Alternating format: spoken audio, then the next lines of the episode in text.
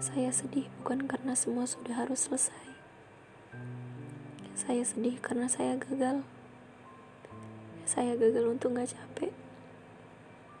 Saya pernah berharap semoga saya selalu sanggup untuk bertahan di sebuah rumah yang sejak awal gak pernah ada wujudnya.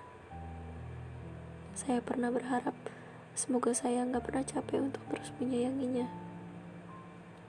Saya pernah berharap Semoga semesta gak pernah kirim orang lain karena saya maunya dia.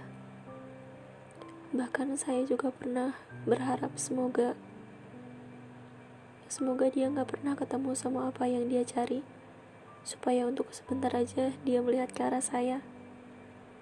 Dan semua harapan itu ternyata gak benar.